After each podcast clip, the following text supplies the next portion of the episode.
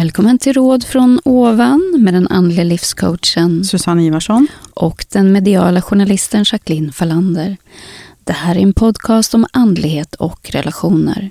Vi tar upp allt från medialitet och hur man höjer sin vibration till hur man bäst hanterar svärmor och andra utmaningar i livet. Och dagens tema, Susanne, Mm. svartsjuka. Okej. Ja, och jag tror att få vill nog erkänna att de är svartsjuka, men jag tror inte det är ovanligt att man känner ett styng av oro om ens partner till exempel dansar lite väl intimt med någon annan. Eh, vilka situationer tror du triggar igång svartsjuka i romantiska relationer? Mm. Alltså mestadels skulle jag säga att svartsjukan kommer ut i romantiska relationer. Mm, nästan bara det, Nästan va? bara. Vi Ja. skulle kunna säga att sys alltså syskonrelationer, där, där kan det också finnas svartsjuka. Det gör det absolut, i, liksom, om man tittar på små barn, att de kan känna svartsjuka. Ehm, och avundsjuka också givetvis, men, men romantiska relationer absolut. Mm. Och vad är det då, som, vilka situationer är det som, som väcker det här svartsjukedraget? Jag skulle nog säga att det nästan till 100% handlar om konkurrenskänslor. Mm. När du på något sätt upplever att din partner, inbillat eller inte, föredrar eller upplever att den personen tittar på någon annan eller uppskattar någon annan. Eller, alltså det handlar ju hela tiden om någon form utav kanske visat eller icke visat. Det kan ju också bara vara uppspelat i ditt eget huvud om du är svartsjuk. Att det på något sätt då skulle finnas ett intresse mot en annan person. Mm. Och vad är det som gör då att vissa personer blir svartsjuka och andra blir inte? Mm, dels så är det ju då en, alltså svartsjuka är ju en kraft som då kan finnas lagrad i egots energi. Och jag skulle säga att den kraften är otroligt stark om den inte är omhändertagen. Och så skulle jag säga också att man kan ha olika benägenhet att känna svartsjuka. Eh, vissa känner det inte och andra känner det jättemycket och kanske inte ens har kontroll på det. Alltså har inte kontroll på kraften eller känslan eller förstår ens att det är svartsjuka. Att de kanske aldrig har liksom satt den etiketten på det utan kanske ser det mer som ilska eller frustration eller någonting sånt men kanske inte riktigt har formulerat den som en, som en svartsjuka. Mm. Men om vi liksom penetrerar det här lite ytterligare. Jag tänker ju att det baseras i grunden av att man har dålig självkänsla. Mm, absolut. Att det finns en otrygghet där och, att man känner att jag inte duger och därför så eh, kanske man känner då att okej, min, min man eller min flickvän, eh, att hon tittar på någon annan, det betyder att hon eller han kommer lämna mig. Eller liksom att det triggar igång massa sådana Mm. känslor. Jo, men det skulle ju kunna vara så också att du lever med någon som tycker om det där.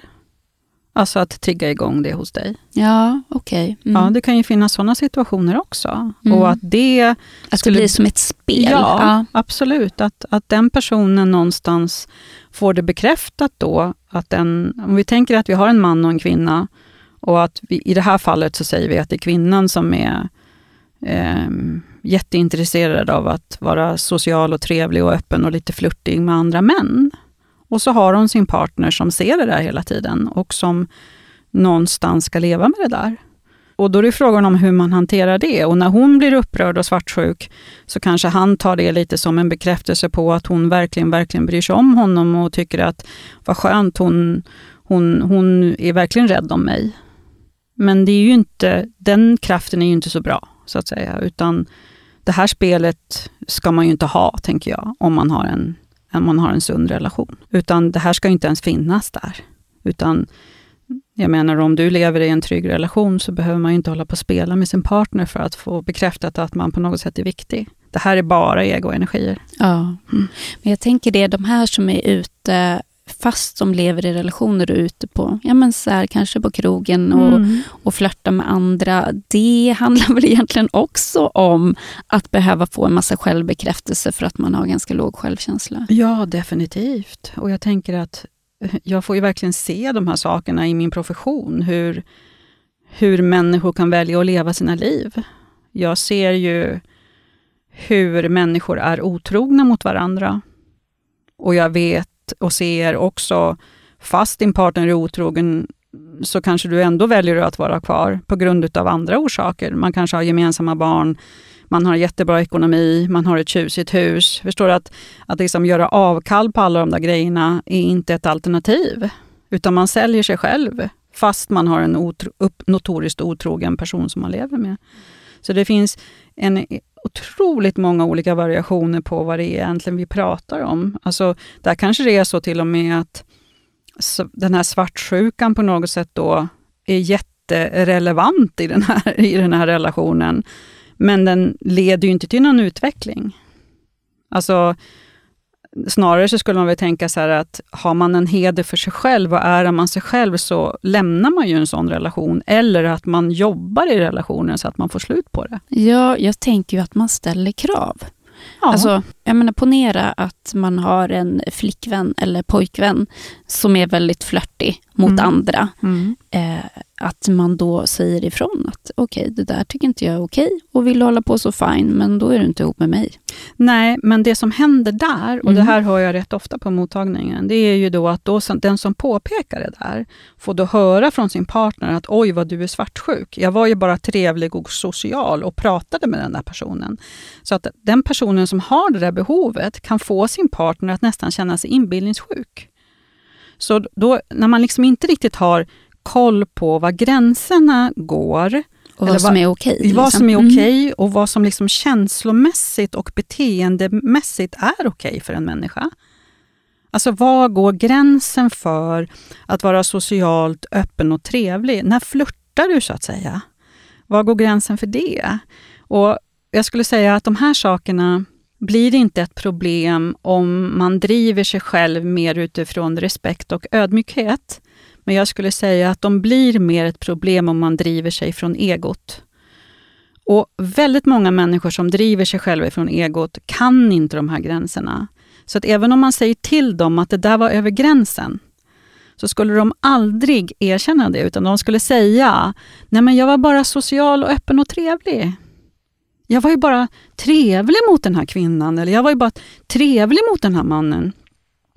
Ja, men där har du en fin linje om vad du egentligen gjorde. Du visade kanske lite mer intresse för den här människan än vad du egentligen gjorde. För samtidigt är det så att det finns ett spel som pågår hela tiden om egot är igång. Det är ju liksom det här äh, bekräftelsesjukan skulle jag säga. Så att, och den finns egentligen där hela tiden. Den finns där dagtid, den finns där kvällstid, den finns där jämt. Går du in på en lunchrestaurang när du liksom är ute och äter lunch, så att säga. Även om du går ut med kollegor, så kan du se det spelet. Du kan se det spelet var som helst. Mm, precis var som helst. Det räcker med att det kommer in en, svassar in en brud i kort kjol och männen bara vrider på sina huvuden. Liksom så här. Ja. Ja, alltså det är ju som taget liksom. Och då behöver du ha gjort ett jobb med dig själv för att inte fastna i den, i den fallgropen. Och Jag skulle säga att väldigt många män, just i det här fallet som jag pratar om nu, att männen vrider på huvudet när de ser en brud i kort kort. Den, den, då skulle de säga, så, men vadå, jag är bara man ja. Alltså det kan komma en sån, liksom, ett sånt försvar. Och i min värld så tänker jag så här, du är så lätt att liksom få dit, Ja. om man ska uttrycka mig så. Mm. Och i min värld är det jätteoattraktivt. Mm. Eh, att liksom, du ska kolla på hennes ben och kolla på hennes rumpa. Eh, för att du är man. Alltså det känns så himla sexistiskt. Jag tycker att det känns så här, ursäkta uttrycket, tillbaka till råttan. Ja. Faktiskt, liksom. eh, det, det känns otroligt outvecklat i min värld. ja. Mm. Eh, men jag tänker om man skulle ha en sån man, Mm. eh, då tänker jag att då är det ju bara att sätta ner foten och säga så här, ja fine, men fortsätt med ditt beteende då, om du vill det, fast inte tillsammans med mig. Nej, alltså, då får du leva själv. Absolut. Ja, för då har ju den personen ett val. Antingen fortsätta på samma sätt och förlora relationen eller agera annorlunda. Mm. Mm. Men det kan ju också vara så då att, att det är så att personen säger ja, men då lever jag själv. Och då blir det ju så att den personen som har satt, satt upp de villkoren får gå. Och då behöver man ju känna sig redo för att ta de konsekvenserna. Och istället så håller man på så här med de här olika spelen fram och tillbaka, fram och tillbaka. Jag lovar dig, liksom på varenda privat fest, på varenda tillställning så är det ju alltid någonting sånt där som händer. Du vet, något svartsjukedrama och speciellt när man kanske blandar in lite för mycket alkohol och lite sådana saker. När man går dit trevlig, uppsnofsad och liksom på något sätt ska visa upp sig och sen så slutar det med i någon slags familjetragedi över att någon har dansat för mycket kind mot kind mot någon annan eller kanske gett för mycket uppmärksamhet för någon och talat om vad snygg du är. Eller, och att den där partnern som har fått höra det där någonstans har gått i taket och känner sig otroligt eh, skamsen på något sätt, eller liten. Mm. Jag tänker också att det handlar väldigt mycket om att om man är som par, att den som på något sätt flörtar eller blir för full eller gör tokiga saker, att man själv står där som partner och känner skam.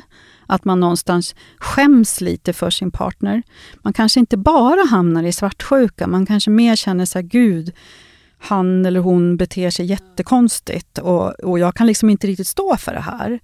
Och det händer egentligen bara när det är alkohol. Då behöver man ju också fundera över hur man ska komma vidare, tänker jag.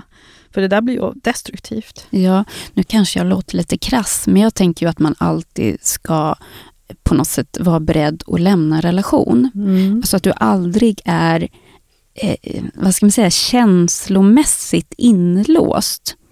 Förstår du vad jag Mm. menar? Mm. Jag tänker nog att du tänker väldigt annorlunda där.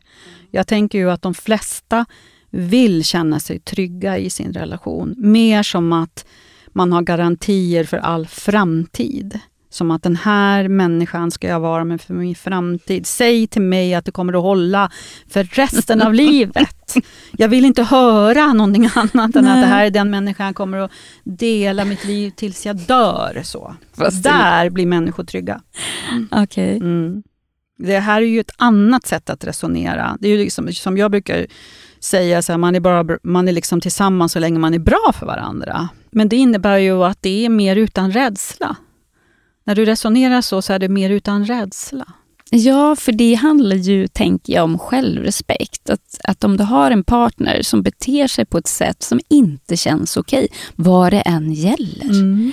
Eh, att man kan säga så här, nej, men vet du, antingen förändrar du dig eller så går jag. Ja, Och det betyder ju inte egentligen att man är känslokall eller inte bryr sig, men att man sätter sitt eget värde högre än relationen. mm. och då hamnar ju väldigt många människor i kanske priset av förlusten någonstans då. Av att kanske inte kunna bo kvar i huset eller inte ha två bilar eller sämre ekonomi eller, eller ja, du vet, få vara ensamstående förälder varannan vecka. Eller, så, att, så att någonstans så tänker jag att väldigt många människor köper dumheterna för att på något sätt ha bekvämligheten. Och i min värld så tänker jag att det är enorm energiförlust att leva så. Mm. Men du, om vi går tillbaka till själva grund grundämnet, Mm. eh, det här med svartsjuka. Eh, vi ponerar så här att man är eh, tjej då. Vi vet ju att de flesta av våra lyssnare är kvinnor. Mm. Eh, om du känner dig liksom orolig då varje gång din eh, pojkvän eller man åker bort med sina eh, killkompisar, att, du, ja, men att, att, att det liksom väcker rädsla i dig. Eh, vad, liksom, vad gör man? För så där kan man ju inte ha det. Nej, och då är det ju frågan om om det finns någon... Alltså finns det någonting hos din man, säger vi då i det här fallet, som har gjort att du har anledningen att känna eller tänka så här? För många gånger finns det ju ingenting. Nej, och det är att- den situationen jag Ja. menar, när det faktiskt inte finns någon grund för det. Nej, det kan ju vara så att du har eh, Liksom, du har hittat världens mest trogna person. Den här personen skulle aldrig göra så emot dig. Utan det du bär på är dina egna tillkortakommanden som du spelar ut. Och det kan ju vara så att du spelar ut det ofta fast det inte finns någon grund. Därför att du själv känner dig så osäker. Att du själv känner dig så... Ja, du går i konkurrens med andra kvinnor eller känner dig hotad av andra kvinnor. Och det kom, kommer alltid att kunna vara så att beroende på vems ögon vi tittar med, så kanske det alltid kommer att vara så att det finns någon som är snyggare, någon som är smalare, någon som har mer kurvor, någon som har snyggare bröst eller vad det nu må vara för någonting. I konkurrensen bland kvinnor till exempel. Och då tänker jag ju om du har ett gott värde i dig själv, då spelar det ingen roll hur snygga bröst en annan kvinna har, faktiskt. Det gör faktiskt inte det. Och då är det så att om du, liksom, om du vet vad du har med din man, om man har liksom ett värde i den relationen, om man vet att den här relationen är frisk, vi har liksom, eh, den är viktig för oss båda, vi är rädda om varandra, då skulle jag säga att det är väldigt lite som kan hota den relationen då. Och skulle det vara så då att världens mest trognaste man dricker lite för mycket och kanske är otrogen någon natt, ja då händer det. Och då behöver man fundera på hur man ska komma vidare. Ja, då får man ju deala med det då. Istället för att gå omkring och oroa sig. Absolut. Och jag skulle säga också så här, de som då gillar att vara otrogna, eller de som kanske är otrogna en gång, men det här var bara en gång och det kommer inte hända igen, och det verkligen inte händer igen. Då får man ju också ifrågasätta om det var värt det. För man kan ju faktiskt bli av med allt om det skulle vara så att man är otrogen en gång. Man brukar säga så här, en gång är ingen gång. Jag håller inte med om det. Jag tänker ju att du kan skada jättemycket om du är otrogen en gång. Är det någonting människor är väldigt rädda och oroliga för just så är det ju otrohet. Det är ju ett svek som många gånger har, där liksom man har svårt att, att liksom komma tillbaka ifrån ett sånt svek. Och även om vi skulle tänka att eh, du existerar väldigt, väldigt mycket i hjärtat, så att vi inte uppfattar det riktigt som ett svek, utan att vi kanske ser det mer som oj, det där var märkligt att min man hade ett sånt behov. Då, om jag skulle gå till mig personligen, så skulle jag nog fundera lite över vad hände med honom? Och hur kunde det komma sig att han helt plötsligt hade det behovet? Och kanske till och med omvärdera vår relation. Så det beror lite grann på, men då är man ju mer ur, inte i rädsla. Förstår du? När man är i rädsla, då är man ju mer svartsjuk för att man uppfattar att något känns hotfullt. Och att man har det kopplat till det egna värdet och den egna självkänslan. Mm. Mm. Och jag tänker att eh, människor som är svartsjuka har ju också en tendens att eller ett behov av kontroll. Ja. Eller hur? Att mm. de kan börja gå igenom partners mobiltelefon mm. eller att det där kan skapa en massa osunda beteenden. Ja, det kan det göra och det kan till och med driva relationen till precis just det. Kanske inte då otrohet, men det kan driva till relationen till att det blir en separation. Att, att ens partner som blir utsatt för liksom oskyldiga anklagelser hela tiden kan tröttna till slut och, och säga jag orkar inte vara med dig för att den här ogrundade svartsjukan som du håller på med, den, du kan inte hålla på med det där. Det där är ett jättekonstigt beteende, du behöver ta hjälp. Liksom. Så, så den kan ju få en relation att gå precis åt det hållet som den svartsjuka människan är rädd för. Att, att, att man blir övergiven. Och eh, om man nu känner igen sig i det här, Mm. Vad, vad kan man göra åt det? Alltså man behöver jobba med sitt eget inre. Det är ju det som är själva lösningen här. Du behöver, alltså de som upplever att de känner igen sig i det här, de behöver jobba med sin egen självkänsla, sitt eget värde. Och det är ju alltid baserat på något sätt i barndomen, att man inte har känt det. Att man inte har känt det egna värdet, att man har problem med den egna känslan till sig själv. Mm, så det här kommer alltid någonstans ifrån? Det kommer alltid någonstans ifrån. Och vad kan då vara orsaken att man i en relation kan känna sig verkligen noll svartsjuk och i en annan relation kan det väckas till liv? Fast då kanske det handlar om den partnern du är med då? Mm, mm. Att det är det som triggar igång det? Ja, det kan ju vara så att om vi tänker att du lever med en person som är otroligt eh, så här punktlig, eh, håller inte på och jiddrar med massa sociala medier, kanske lite introvert till och med, eh, ganska trygg liksom. Och eh, han visar dig gång på gång att här finns det inget spel och det finns ingenting som pågår här. då är det ju lättare att känna sig lugn, när, där du märker att du har en partner som verkligen hedrar dig. Och sen om vi tänker att det inte håller och sen så träffar du en annan person som är lite mera så här, liksom lite snack snackig och lite social och bara trevlig som de kan kalla sig. Men det handlar jätte, jättemycket om att de... Jag ser ju så många män som håller på ja. på det här sättet. Alltså, det är helt otroligt. Jag skulle säga det, som tror att de är världens skärmknuttar. Ja. ja. Eh, de är väldigt, eh, det finns kvinnor också absolut, mm. så det ska inte vara sådana. Men, men just det där med att man säger att man är trevlig och öppen. Bara, jag är ju bara trevlig och social. Ja. Jo, men mellan raderna där så kan det finnas någonting som du gör hela tiden, som egentligen handlar om att du vill bli sedd av de här ja. kvinnorna och att du är så otroligt torsk på att hur mycket bekräftelse du behöver ha. Just som den här trevliga, charmiga killen. Och det är så oattraktivt. Mm, det är det. Mm. Ja, säger vi i alla fall. Ja, mm. ja, skulle jag vara ännu tydligare så säger jag det går bort. Då vet ni det, ni har ingen chans hos Susanne.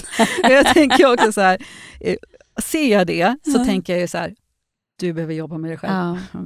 Mm. Ja. Mm. Eh, ja, Eh, en fråga till. Mm. Jag tänkte själva motvikten då till det här. Vi pratar ju hela tiden om att gå från ego till hjärtat. Om man mm. lever då fullt ut i hjärtats energi, är det så att man inte kan känna svartsjuka då? Så är det ju. Plus att du har inga behov av att hålla på och spela med din partner. Och du har inga behov av att spela med andra människor heller. Du har inga behov av att få bekräftelse. Det är borta. Väldigt skönt liv helt enkelt. Ja, behöver inte hålla på och kämpa för någonting. Nej. Det där är ju en, ett kämpa också. Så här, om man hela tiden ska liksom, så här, vifta med armarna och vara trevlig och social och öppen och allt det där. Och, så här, se mig, se mig, se mig. Det är ju rätt jobbigt hela tiden att behöva sätta sig själv på kartan, skulle jag tycka ja, i alla fall. och det går ju åt otroligt mycket energi Absolut. bara på det. Ja. Mm. Så, mm. är man i hjärtat så har man inget behov av det där. Ja, tror du lyssnarna fick svar på sina frågor kring Dagens svartsjuka? ämne svartsjuka. Ja. Oftast lite skambelagt skulle jag säga. Ja, det är det ju också. Vissa är så här, nej jag är absolut inte svartsjuk. Och andra säger att eh, jo, jag kan absolut känna svartsjuka. Och det som är intressant, det är att man också kan se att det är lite kulturellt. För om man tittar på amerikanarna till exempel, bara ta det som ett exempel, för det har jag haft lite insyn i det då är de väldigt eh, öppna med att de är, kan känna svartsjuka. Det är ju fortfarande egots domän, men just det där med att man kan eh, säga, jo men jag är svartsjuk och jag jag är bara det liksom och jag får försöka jobba med det. Medan jag ser kulturellt i vårt svenska samhälle att det kan vara lite mer skämmigt att säga att man känner svartsjuka. Man, man liksom, nej jag känner inte svartsjuka och så har man jätte, jättejobbigt med det på insidan. Mm. Mm. Så kanske det första man behöver göra är att på något sätt eh, acceptera mm. de känslorna man faktiskt har och sen börja jobba med det. Ja, alltså kraften och känslan att känna svartsjuka, den är ju inte skön. Det är ju någonting som på något sätt är väldigt obehagligt och oroligt och hur ska man säga? Alltså den skapar ju en väldig oro och den oron kan ju leda till att man behöver ha kontroll över sin partner. Den kan ju till och med leda till våld om det blir riktigt galet ju. Att det liksom öppnar upp i någon form av svartsjuka, men det kanske slutar med att man till och med är våldsam. Så det är ju inte en kraft som kommer ifrån ljuset om jag säger så, Nej. utan den kraften hör hemma i de lägre regionerna och eh, baseras ur otrygghet och litenhet. Och vad händer på energiplanet då när vi är svartsjuka? Ja, den är ju en kraft som bara stiger ifrån magen. Det är ju där du känner den så att säga. Och den är ganska mörk. Den är mörk, absolut. Det, och den heter ju svartsjuka. Ja. Och du, om man lyssnar på så här svart sjuk. och sjuk. Ja, mm. Den säger allt den säger om vad allt. det är. Mm. Väldigt, väldigt tydligt i ordet. Ja, så känner man svartsjuka så är det dags att börja jobba bort de där känslorna. Ja, och att det är möjligt så att det inte blir för tungt och, och jobbigt. Och gå omkring och bära på det. Nej, mm det går absolut att jobba bort svartsjuka. Så det är liksom ingenting som man behöver liksom tänka så här, det går aldrig att göra någonting åt. Jo, det gör det. Det går att jobba bort svartsjuka. Det kan vara lite ihärdigt. Det, kan vara, det hänger ju samman med ditt eget värde. Det hänger ju samman med din egen höjd, din egen ära, din, din liksom, eh, känslan för dig själv. Så den får man jobba upp. Eh, och... eh, Så det går att göra någonting åt det. Och här kan vi också tipsa om eh, vår kurs eh, Mm. med fokus på självkänsla Just det. som vi håller 21 april i Stockholm. Och där kommer vi ha ett gäng övningar som syftar till att stärka både självkänslan och också kontakten med sin Mm. själ. Och förra gången vi hade den var det ju en fantastisk dag Ja. och vilka genombrott deltagarna hade. Mm. Det var mycket tårar, det var lite jobbigt, men väldigt, väldigt, väldigt upplyftande. Mm. Och det här kan jag nog säga, just att stärka sin självkänsla är ju något som nästan alla behöver. Mm, absolut. Och som vi tidigare aviserat så kommer ju vi under våren att gå in i en prenumerationslösning. Det vill säga att lyssningen kommer kosta sådär 30 kronor i månaden. Och det står tyvärr mellan att ta ut en låg prenumerationsavgift eller att lägga ner podden.